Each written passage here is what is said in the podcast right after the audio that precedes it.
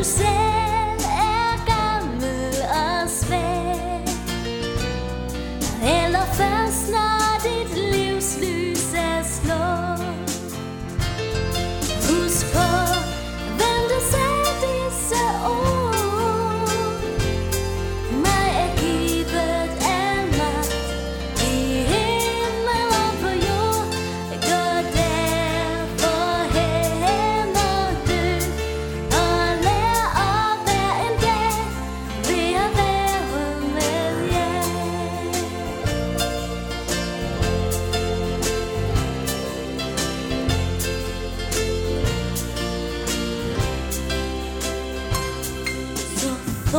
said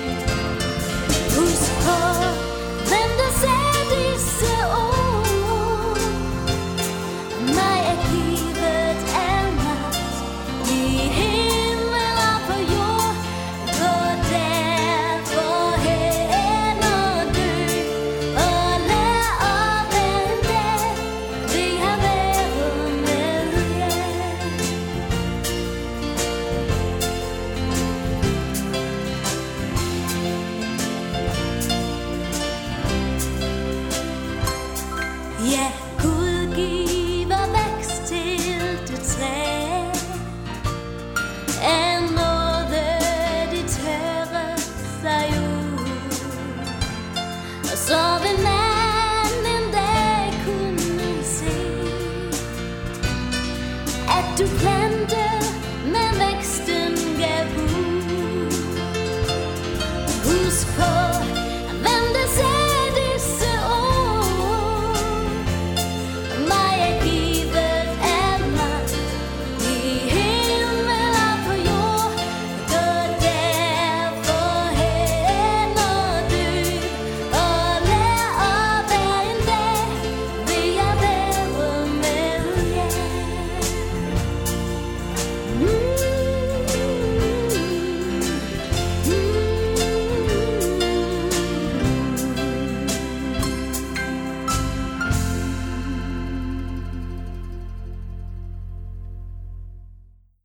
Vi hørte sangen Det træ, som du planter i dag, sunget af Nana Due Madsen. I den kommende uge er det Niklas Lautrup Meiner, som holder notabeneandagterne. Og jeg, Henning Gorte, har Niklas her i studiet, og blevet anledning til at præsentere Niklas. Og velkommen, Niklas. Tak. Og tak fordi du påtager at holde disse andagter. Du er kommunikationsleder, jeg tror det hedder kommunikationsleder. Ja, det er korrekt. Ja, i Luthers Mission og ansvar for blandt andet Tro og Mission, som er et blad, der udgives af Luthers Mission. Ja. Det kræver jo bredt kundskab til,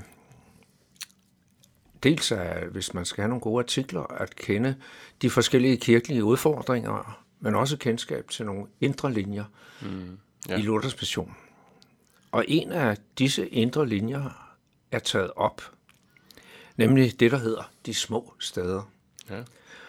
Og hvad dækker de artikler? Jamen i, i LM har der i, øh, i nogle år nu været et fokus på at nå ud til nogle nye steder. Og særligt øh, har Køge været nævnt.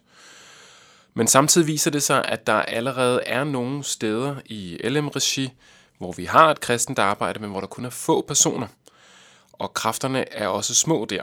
Og artiklerne øh, med de her artikler, som vi kalder de små steder, der vil vi gerne række mikrofonen ud til nogle af de her mindre steder og spørge dem, hvordan ser virkeligheden ud hos dem? Fordi øh, vi synes, det er vigtigt at huske de steder, og om muligt også række et kald ud til dem, der, der måske har planer om at, at flytte, eller gerne vil, øh, vil komme et andet sted, at de kan støtte op om et arbejde et sted, hvor der er relativt få personer, og hvor, at, øh, hvor man så kan komme der og, og gøre en indsats der.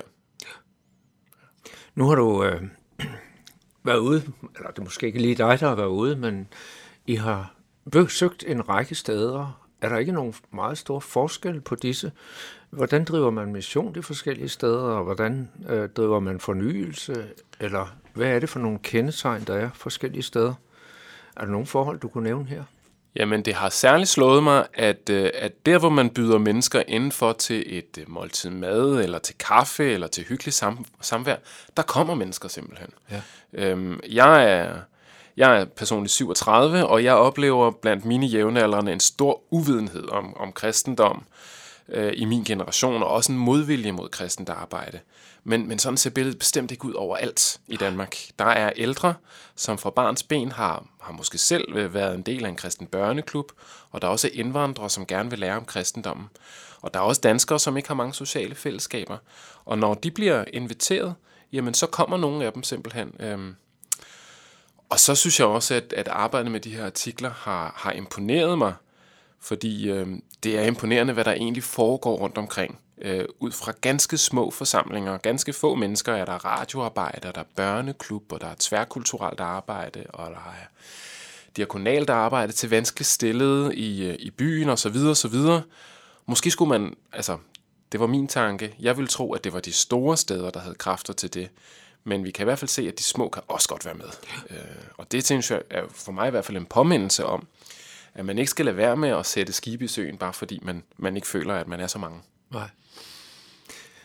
Men, men måske er det også godt for de små steder lige pludselig at komme frem. Har det ikke haft en positiv effekt? Det er, jo, øh, det er jo en artikelserie, vi er begyndt på her i år, så det kan være svært sådan at helt se de positive effekter på sigt endnu. Men der er i hvert fald folk, øh, som, som gladeligt spiller ind øh, med, hvad der foregår i deres forsamling, og gerne vil fortælle om det, og ja. også glæder sig over, at, øh, at vi tager kontakt til dem. Fordi ellers er det jo ofte, det er jo den risiko, der er, at det er ofte de store steder, som vi fortæller fra. Ja. Og nogle gange kan man vel også, når man sidder i et lille sted, blive lidt mismodig. Man kan måske føle sig overset ja. og blive Ja. ja. mismodig, ja. Ja. ja. Og med rette også, fordi der er en, en, en vandring fra land til by i de her år. Mange unge tager til byen for at studere og kommer ikke nødvendigvis tilbage til den egen, de Nej. kom fra. Nej. Og derfor oplever man nogle steder, at gennemsnitsalderen bliver højere og højere. Ja. Men øh, det var dejligt at høre. Øh, Men nu vil jeg gerne lige høre dig lidt om dine andagter. Hvilke tanker har du gjort? Har du valgt et bestemt emne? Jeg har valgt et, øh, at fokusere på de mennesker, som Jesus mødte. Øhm, det betyder, at andagterne udelukkende tager fokus, øh, eller tager udgangspunkt i evangelierne, simpelthen. Ja. ja. Og jeg har valgt dem, fordi, øh, ja, fordi jeg selv synes, det er enormt interessant Ja. at kigge på de her mennesker, men også fordi, at jeg tror, at vi ved at se på, hvordan Jesus mødte mennesker, kan se noget om, hvordan han møder os. Han trøstede, og han omfavnede, han helbredte, og han tog imod mennesker, øh, mens han gik her på jorden, og det ønsker han stadig at gøre også i dag. Ja. Niklas, vi glæder os til at høre dine andagter. Og kære lytter, måske sidder du efter andagterne med spørgsmål. Det kan være, at du har uddybninger. Det kan være, at du har nogle spørgsmål, som du får i løbet af andagten. Så er du velkommen til at kontakte Københavns Nærradio.